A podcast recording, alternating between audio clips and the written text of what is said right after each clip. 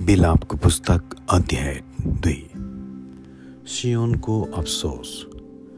परमप्रभुले आफ्नो रिसमा सियोनकी छोरीलाई कसरी घोर अन्धकारले ढाकिदिनु भएको छ? इजरायलको गौरवलाई उहाँले आकाशदेखि पृथ्वीमा खसालिदिनु भएको छ।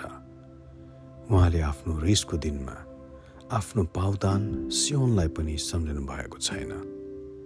याकुबका सबै वासस्थानहरूलाई परमप्रभुले कति पनि नटिठ्याएर नाश गर्नुभयो। आफ्नो क्रोधमा उहाँले यहुदाकी छोरीका किल्लाहरू भत्काइदिनु भयो त्यो राज्य र त्यसका राजकुमारहरूलाई उहाँले भुइँमा खसालेर अपमानित तुल्याउनु भयो आफ्नो भयङ्कर रिसमा उहाँले इजरायलका सबै शक्तिलाई नाश पार्नुभयो। शत्रुकै सामुन्ने उहाँले आफ्नो दाहिने हात हटाउनु भयो। उहाँको प्रकोप याकुबमाथि चारैतिर भस्म गर्ने आगो जस्तै पर्यो। शत्रुले झैँ उहाँले आफ्नो धनुमा ताँदो चढाउनु भएको छ। विरोधी झैँ उहाँ खडा हुनुभएको छ। आँखालाई मनपर्ने जति कुरा प्रिय थिए ती सबैलाई उहाँले शत्रुलाई झैँ घात गर्नुभएको छ। सियोनकी छोरीको पालमा उहाँले आफ्नो रिस आगो झैँ पोखाउनु भएको छ। परमप्रभु शत्रु झैँ हुनुभएको छ। उहाँले इजरायललाई नष्ट गर्नुभयो। उहाँले इजरायलका सबै महलहरू नाश गर्नुभयो। त्यसका सबै किल्लाहरू भत्काइदिनु भयो उहाँले यौदाकी छोरीको शोक र बिलाप बढाइदिनु भयो उहाँले आफ्नो पाल बारीको छाप्रो जस्तै भत्काइदिनु भयो उहाँले आफ्नो भेट गर्ने ठाउँ नष्ट पार्नुभयो। परमप्रभुले सियोनका तोकिएका चाड र सवादहरू दुवैको सम्झना मेटाइदिनु भयो आफ्नो भयानक रिसमा उहाँले राजा र पुजारी दुवैलाई तिरस्कार गर्नुभयो। परमप्रभुले आफ्नो वेदीलाई अस्वीकार गर्नुभएको छ। आफ्नो पवित्र स्थानलाई त्यागिदिनु भएको छ। त्यहाँका महलका भित्ताहरू उहाँले शत्रुको हातमा दिनुभएको छ। तिनीहरूले परमप्रभुको भवनमा नै तोकिएको चाडको दिनमा झैँ विजयको ध्वनि लगाएका छन्। परमप्रभुले सियोनकी छोरीको पर्खाललाई नष्ट गर्ने निश्चय गर्नुभयो। उहाँले भित्ताले त्यो नाप्नुभयो। त्यसलाई नष्ट पार्नदेखि उहाँले आफ्नो हात रोक्नु भएन।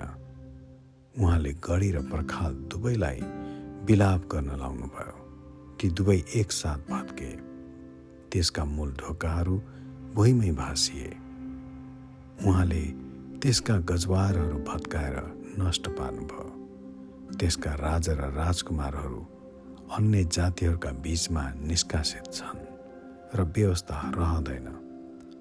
अनि त्यसका अगमवक्ताहरूले पनि परमप्रभुबाट केही दर्शन पाउँदैनन्।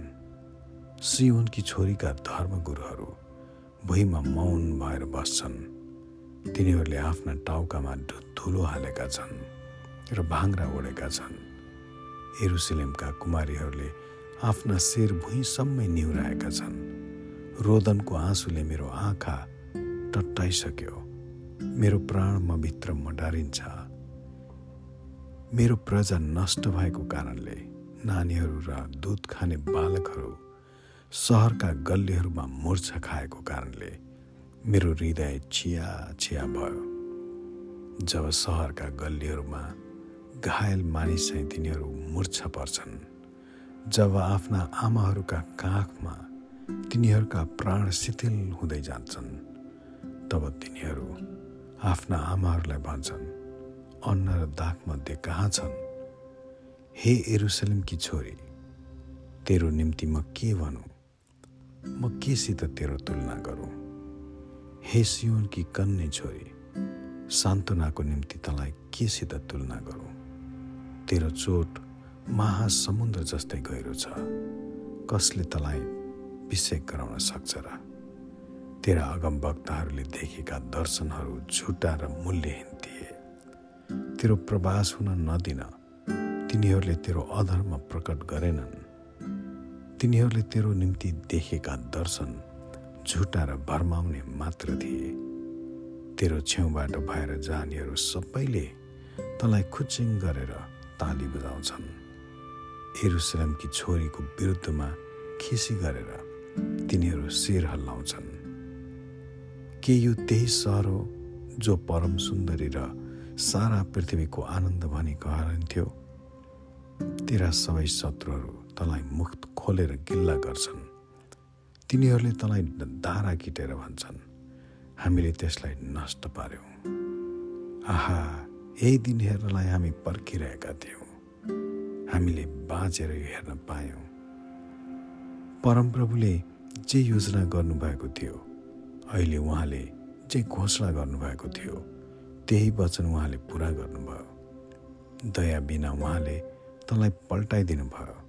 उहाँले शत्रुलाई तमाथि आनन्दित तुल्याउनु भयो र तेरा बैरीहरूको शक्ति प्रबल पार्नुभयो।